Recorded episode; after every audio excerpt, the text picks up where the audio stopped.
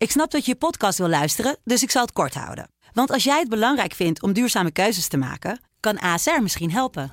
Nou hoor ik je denken, hoe dan?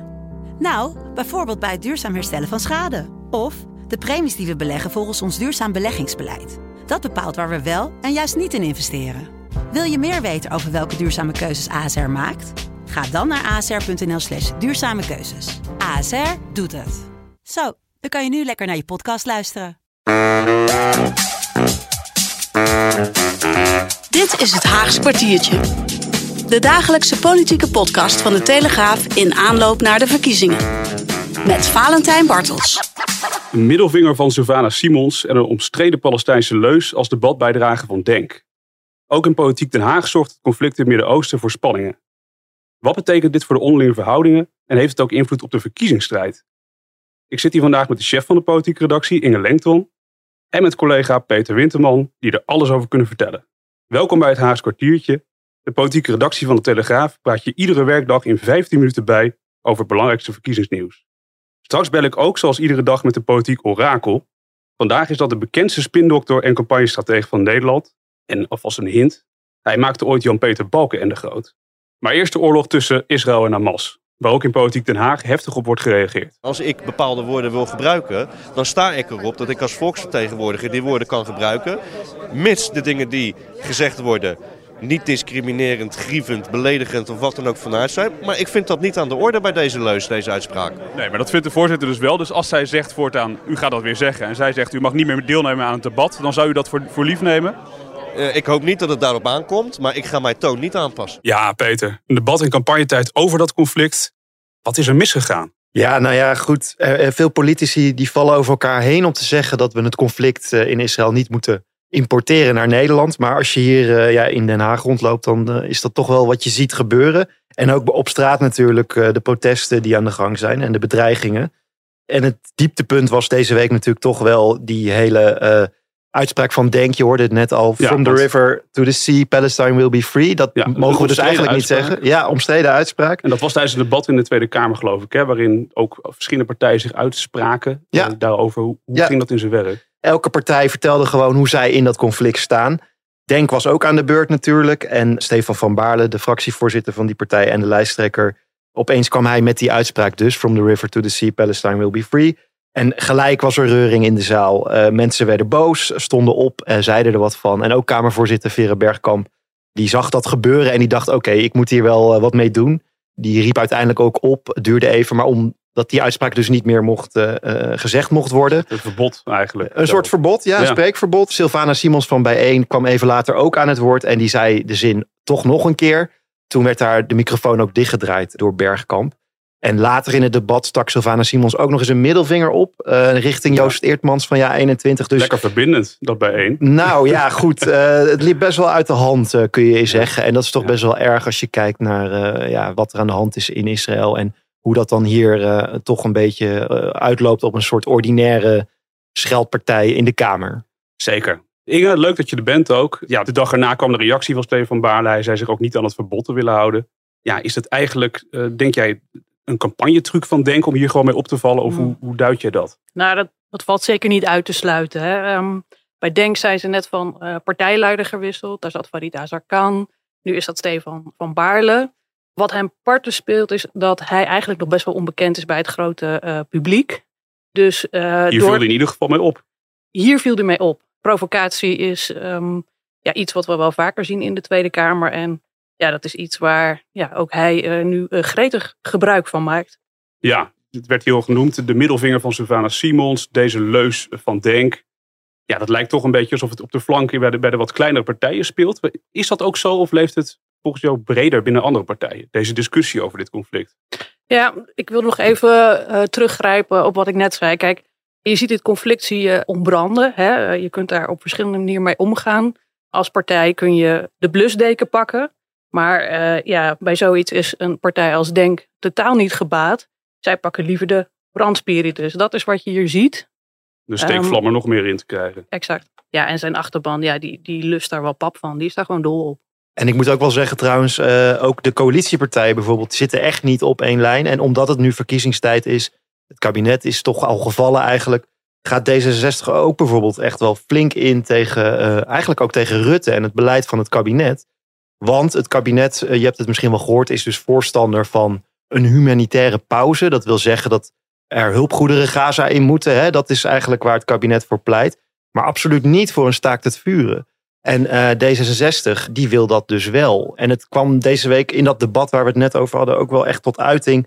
Toen de VVD een motie indiende, Ruben Brekelmans, om het kabinetsbeleid te ondersteunen. En die motie die haalde het dus gewoon niet, omdat D66 tegenstemde. Dus voor D66 is het ook echt campagnetijd in dat opzicht. En uh, ja, ja, laten ze die hele kabinetslijn los.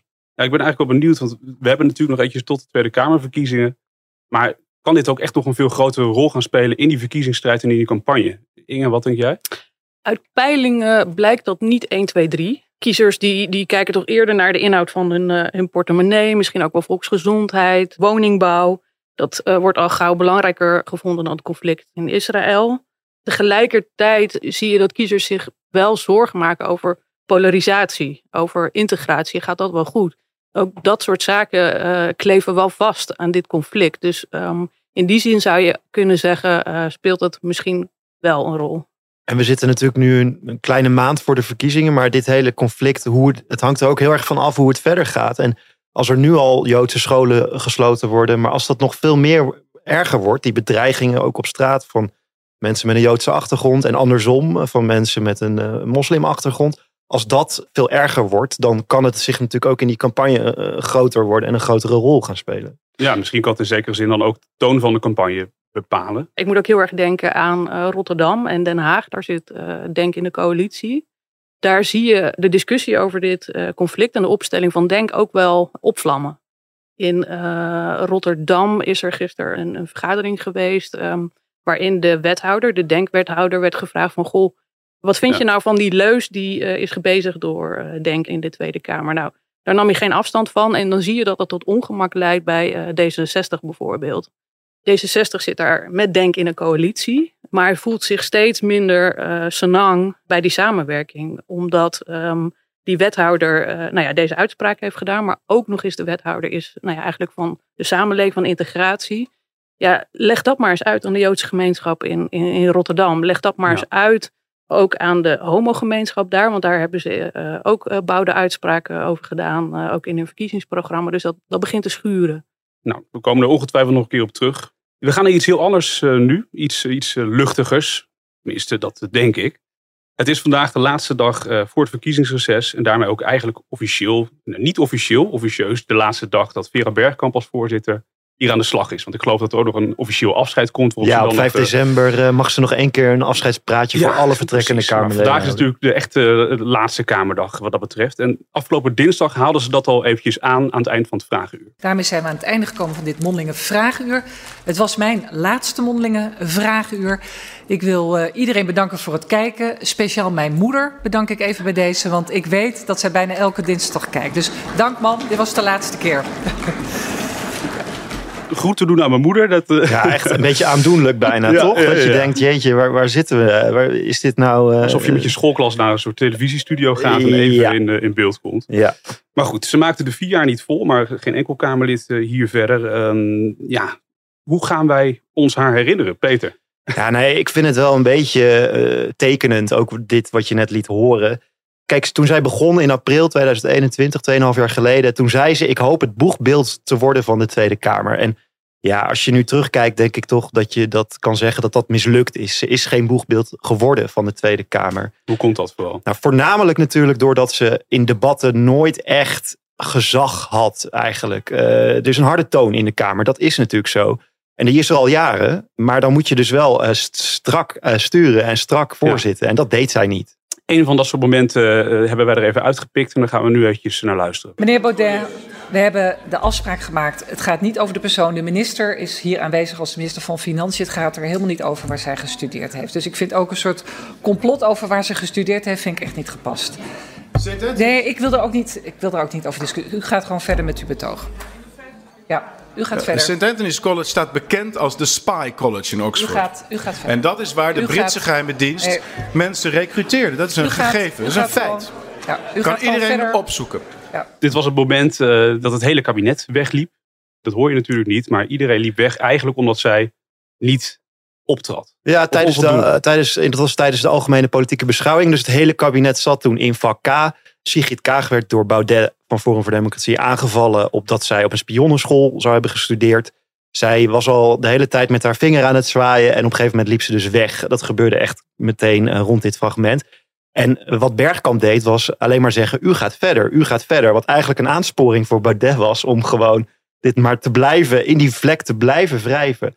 En eh, vervolgens, het werd alleen maar pijnlijker. Want eh, het kabinet liep dus weg. Bergkamp ging praten met Rutte en met het kabinetsleden... om te overleggen wat ze moest doen. Ja, dat is natuurlijk gewoon van de zotte. Als je bedenkt dat de Kamer en het kabinet twee gescheiden organen zijn. Hè? En eh, de Kamer moet het kabinet controleren en niet andersom. Ja. Dus dat liep helemaal uit de klauwen. En later ontnam ze Baudet dus het woord. Maar dat gebeurde pas nadat zij met hoeveel mensen eh, had gepraat. Weet Ja. je wel? Dus dat was een voorbeeld van eh, geen gezag hebben. En het kabinet eigenlijk laten bepalen hoe de vergadering verliep. Ja, echt pijnlijk. Ja, Inge, jij loopt hier al een stuk langer mee dan wij. Eh, Je hebt flink wat voorzitters denk ik ook voorbij Je- zien je- komen. Je hebt vast niet de bedoeling om me nu heel oud te laten voelen. ik, bedoel, ik bedoelde het complimenteus als een, als een soort eh, volrecht. Nee.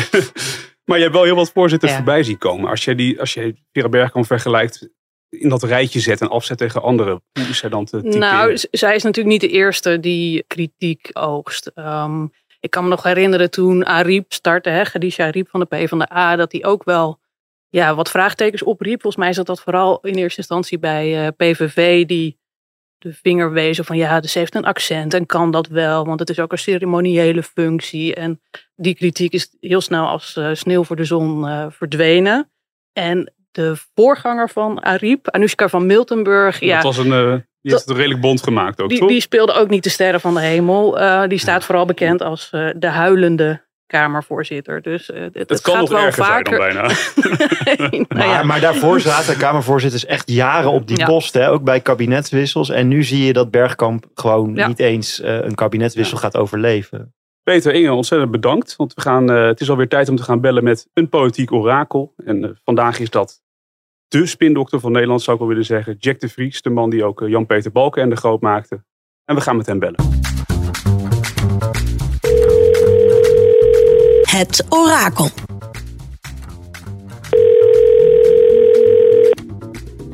Vries. Ja, goedemiddag meneer de Vries met Fata en Bartels van de Telegraaf. Hey, goeiedag. Begint het Ja. dan in deze campagneperiode ook bij u weer te kriebelen? Omdat u toch altijd daar zo eh, actief bij aanwezig eh, bij betrokken bent geweest? Nou ja, ik heb natuurlijk door de loop der jaren een, bepaalde analyse gemaakt van, van, van wetmatigheden in een campagne. Nou, ja, dat kan zijn het belang van de tweestrijd, dat je lijsttrekker de premierkandidaat eh moet zijn, RTL-debat als eh eh, gamechanger. Ja. Alleen nu, mijn wetmatigheden, zeg maar, eh, het eh, Jack de Vries eh, adagium, wordt een beetje doorkruist eh, door, eh Oh, door omzicht. Nu is alles anders. nou, dan ben ik wel heel erg benieuwd. Het, het Jack de Vries adagium wordt doorkruist door, door Pieter Omtzigt. Wat, wat doet hij dan precies anders tot nu toe? Nou ja, je hebt natuurlijk een, een, een aantal eh, dingen. De tweestrijd, hè, waar eh, het CDA in 2003, 2006 van heeft geprofiteerd met de Partij van de Arbeid.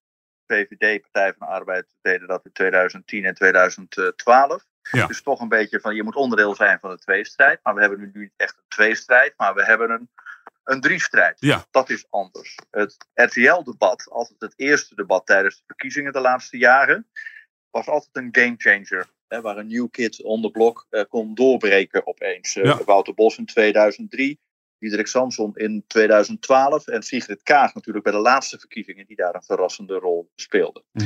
Eh, nu hebben we een RTL-debat met drie partijen. Hè? De Partij van de Arbeid GroenLinks, VVD en Nieuw Sociaal Contract. Dus ook daar zal die dynamiek anders zijn. U zei wat ik ook wel interessant vond, dat vooral Pieter Omtzigt uw adagium doorkruist. Eh, ik, ik heb gehoord dat hij bijvoorbeeld over een aantal debatten, dat hij erover twijfelt over deelname of aan sommigen ook niet mee wil doen.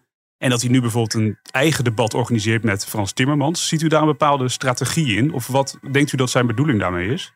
Nou ja, sowieso is Omtzigt natuurlijk deze hele campagne aan het eh, regisseren. Eh, eerst waren we met z'n allen bezig, doet hij het wel, doet hij het niet? Toen kwam hij met de partij, toen was de vraag, doet hij wel of niet in alle kieskringen mee? Toen bleek hij dat wel te doen, had hij 44 kandidaten op de lijst. Vervolgens was de vraag, wat is dat programma, wat is dat programma? Daar zijn we nu afgelopen week achter gekomen en nu blijven we in het ongewisse of hij wel of geen premierskandidaat eh, is. Ja. Iedereen loopt daar achteraan. De media duikt er bovenop. En, en dus is hij degene die eigenlijk ook inhoudelijk, hè, qua onderwerpen, bestaanszekerheid en migratie, die de regie heeft op deze campagne. En is dat een goede strategie, denkt u?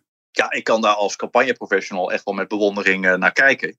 Ja. Alleen, ik besef ook wel dat het dus lastig is voor de andere partijen om daar doorheen te breken. Dan denk je van, dan gaan misschien Partij van Arbeid en VVD toch nog proberen een eigen tweestrijd te creëren. Maar ik denk dat men bij de VVD flink baalt. Dat ze nu opeens horen van het debat tussen Omzicht en Timmermans. Die dus eh, eh, zelf op die manier hun eigen tweestrijd gaan creëren. Hij heeft nu de regie in de campagne. Wat, wat kunnen andere partijen doen om dat te doorbreken? Om zelf weer de aandacht op zich te vestigen? Nou ja, weet je, een campagne wordt voor een deel ook altijd eh, bepaald door de dingen die fout gaan. Dus er kan altijd iets fout gaan waar een andere partij van kan profiteren. Dat maakt het voor ons zo leuk als journalisten. Ja, betreft dat Pieter Omzicht, dan kunnen BBB en CDA daarvan uh, van profiteren. Betreft dat Timmermans, dan kan Volt of eh, D66 daar misschien nog van profiteren, of de SP. Maar campagne is natuurlijk toch in het nieuws zijn. Dus wat je nu ook ziet, is dat de andere lijsttrekkers heel veel proberen in mediaprogramma's uh, op te treden. En dan opeens in de rol zitten als duider van de debatten waar ze niet bij waren. Ja. Dat is echt uh, nieuw, deze campagne. Ja, ja. Nou, wel interessant. Um, wij hebben helaas maar vijf minuten, maar dit was toch al een behoorlijke analyse van uh, het begin van deze campagne. Dus daar wil ik u ontzettend voor bedanken. Ja, spreek u graag volgende week weer. Tot volgende week. Oké, okay, bedankt hoor. Dag. Dit was de vierde aflevering van het Haags kwartiertje. Leuk dat je luisterde. Morgen om half vijf zijn we er weer. Je luistert ons op de telegraaf.nl en in je favoriete podcast app. En vergeet je niet te abonneren. Tot morgen.